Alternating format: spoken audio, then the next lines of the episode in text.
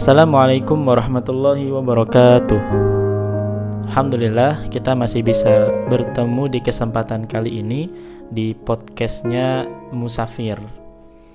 Uh, insya Allah aku mau untuk ngelanjutin sedikit pembahasan yang sudah aku bahas di episode yang lalu tentang gimana sih cara mengatasi keraguan dalam hijrah.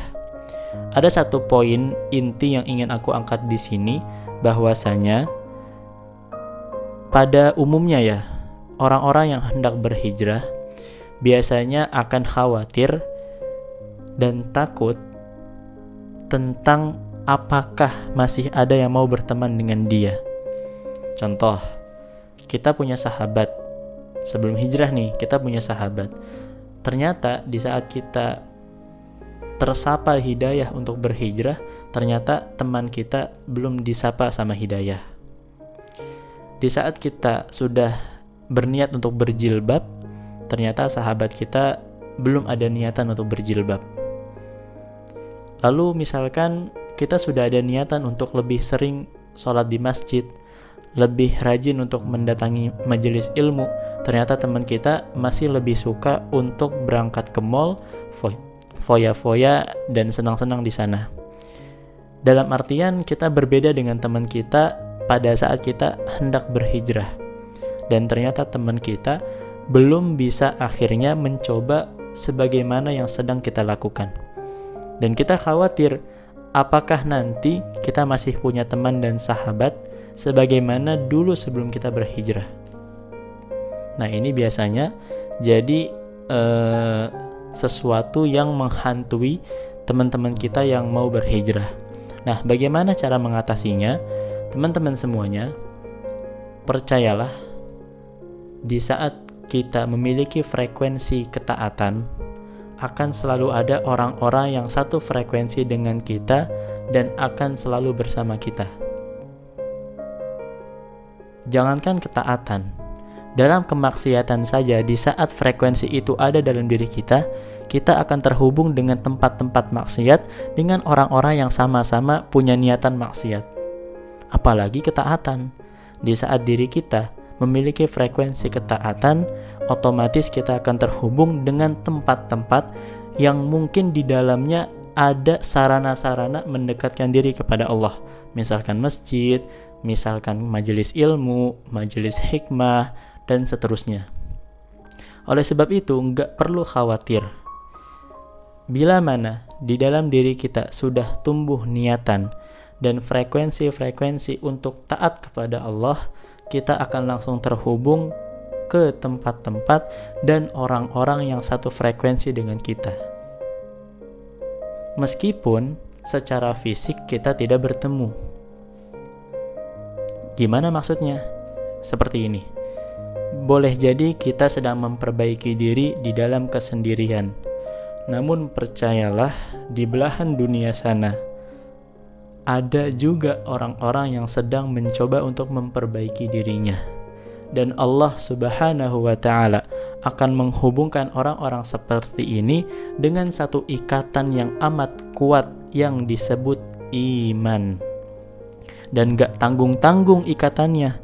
Kalau misalkan dulu kita sama teman kita hanya sekedar pertemanan, kalau kita senang dia ada, kita sedih dia kabur, atau mungkin lebih dahsyat lagi sahabatan. Sedih, suka bareng-bareng. Kalau kita sudah beriman, maka ikatannya lebih dahsyat dari sahabat. Ikatannya adalah persaudaraan. Saudara mana yang rela saudaranya sendiri di dalam kesengsaraan?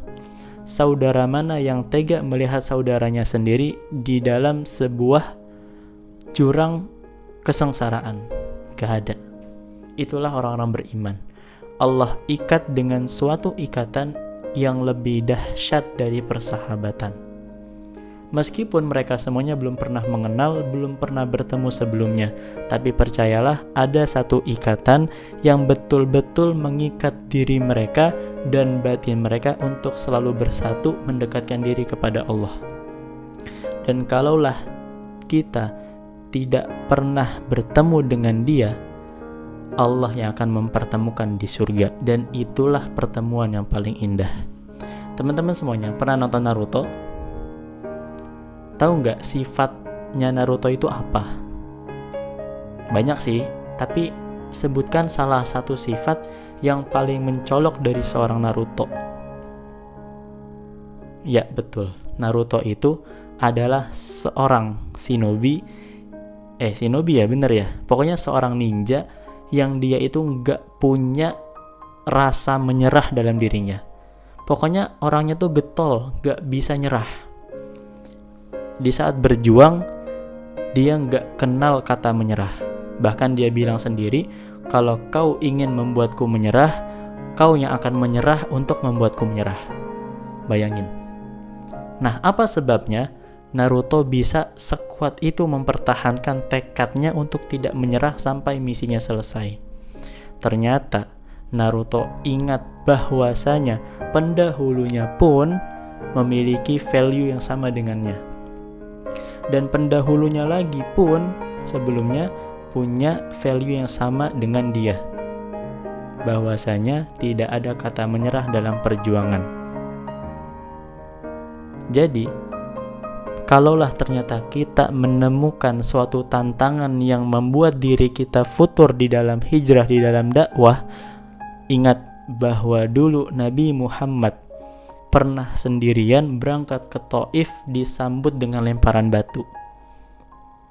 Kalau di saat kita sedang futur dalam dakwah dan hijrah, ingat Nabi Nuh 900 tahun berdakwah tidak dapat pengikut kecuali sedikit.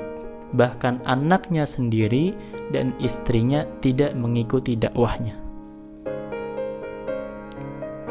Dan kalau misalkan kita sedang futur dalam hijrah dan dakwah, ingat bahwa Musa dan Harun pernah dikejar-kejar sampai ke ujung pantai oleh bala tentara Fir'aun dengan senjata-senjata yang lengkap dan mereka semuanya berhasil melewati tantangan-tantangan itu tanpa rasa sesal dan tanpa kata menyerah. Oleh sebab itu, sudah ada banyak pendahulu-pendahulu kita yang value-nya sama dengan kita, frekuensinya sama dengan kita, dan kita nggak pernah ketemu mereka. Namun nanti Allah Subhanahu wa Ta'ala yang akan mempertemukan kita dengan mereka semuanya value-nya sama dengan kita di akhirat kelak di surganya Allah yang abadi dengan kenikmatan. Jadi, tidak usah takut sendirian di saat kita berhijrah karena akan selalu ada orang-orang yang berfrekuensi sama dengan kita yang akan terkoneksi dengan kita. Dan ingat akan selalu ada orang-orang yang value-nya sama dengan kita dan kita tidak akan merasa sendirian. Gitu teman-teman. Jadi gak usah khawatir untuk ditinggalin teman, gak usah khawatir gak punya sahabat, gak usah khawatir dijauhin orang karena Allah sudah mempersiapkan teman-teman yang lebih baik lagi yang akan membersamai kita, memperbaiki diri sampai nanti kita reuni di surga. Allah a'lam, semoga kita bisa untuk bertemu lagi di surganya Allah di kenikmatan yang abadi kelak. Assalamualaikum warahmatullahi wabarakatuh.